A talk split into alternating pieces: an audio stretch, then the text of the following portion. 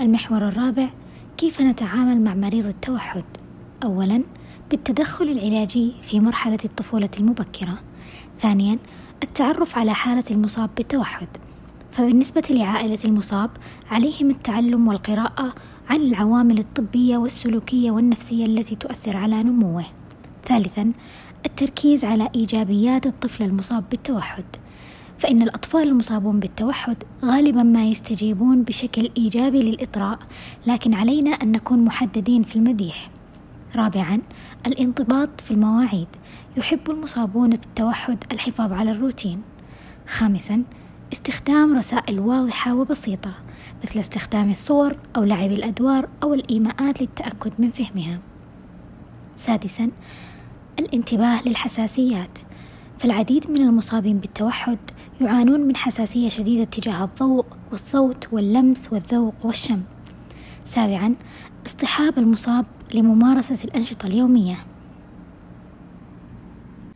المحور الخامس أهم المغالطات أو المعلومات الخاطئة عن مرض ومريض التوحد.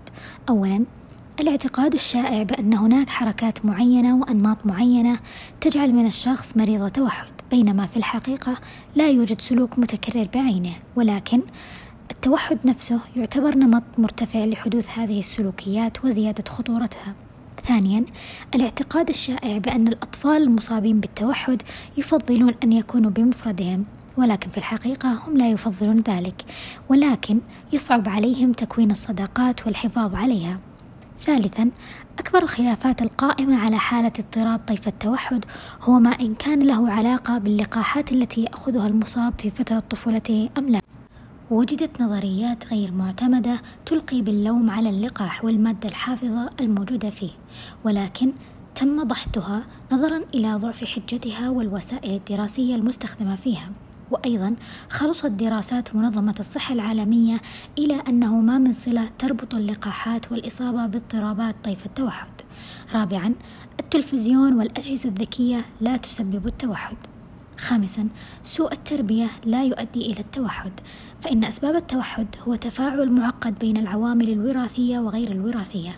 سادسا المصابون لديهم قدرات فائقة ومهارات مميزة وهذه من أكثر المعلومات الخاطئة انتشارا حيث أن الحقيقة صحيح أن المصابين بالتوحد لديهم قدرات علمية ولكن واحد فقط من بين كل عشرة مصابين بالتوحد لديه مثل هذه القدرات الرائعة ومعظمهم لديهم مهارات عادية.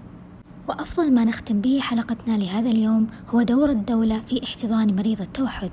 فتم إنشاء الجمعية السعودية الخيرية للتوحد في مدينة الرياض عام 1424 بهدف نشر الوعي حول إعاقة التوحد في المجتمع. أيضا تم تأسيس مركز جدة للتوحد بالجمعية الفيصلية النسوية بجدة كأول مركز للتوحد في المنطقة الغربية بالمملكة العربية السعودية. وأيضا تم تأسيس مركز عزام عام 1427 تحت إشراف وزارة الشؤون الاجتماعية وأنشأته والدة الطفل عزام بناء على تجربتها الناجحة. أيضا تم إنشاء مدينة طيبة التعليمية للتربية الخاصة. هي مدرسة في المدينة المنورة تخدم 75 ألف طالب وطالبة من الأشخاص ذوي الإعاقة في المملكة.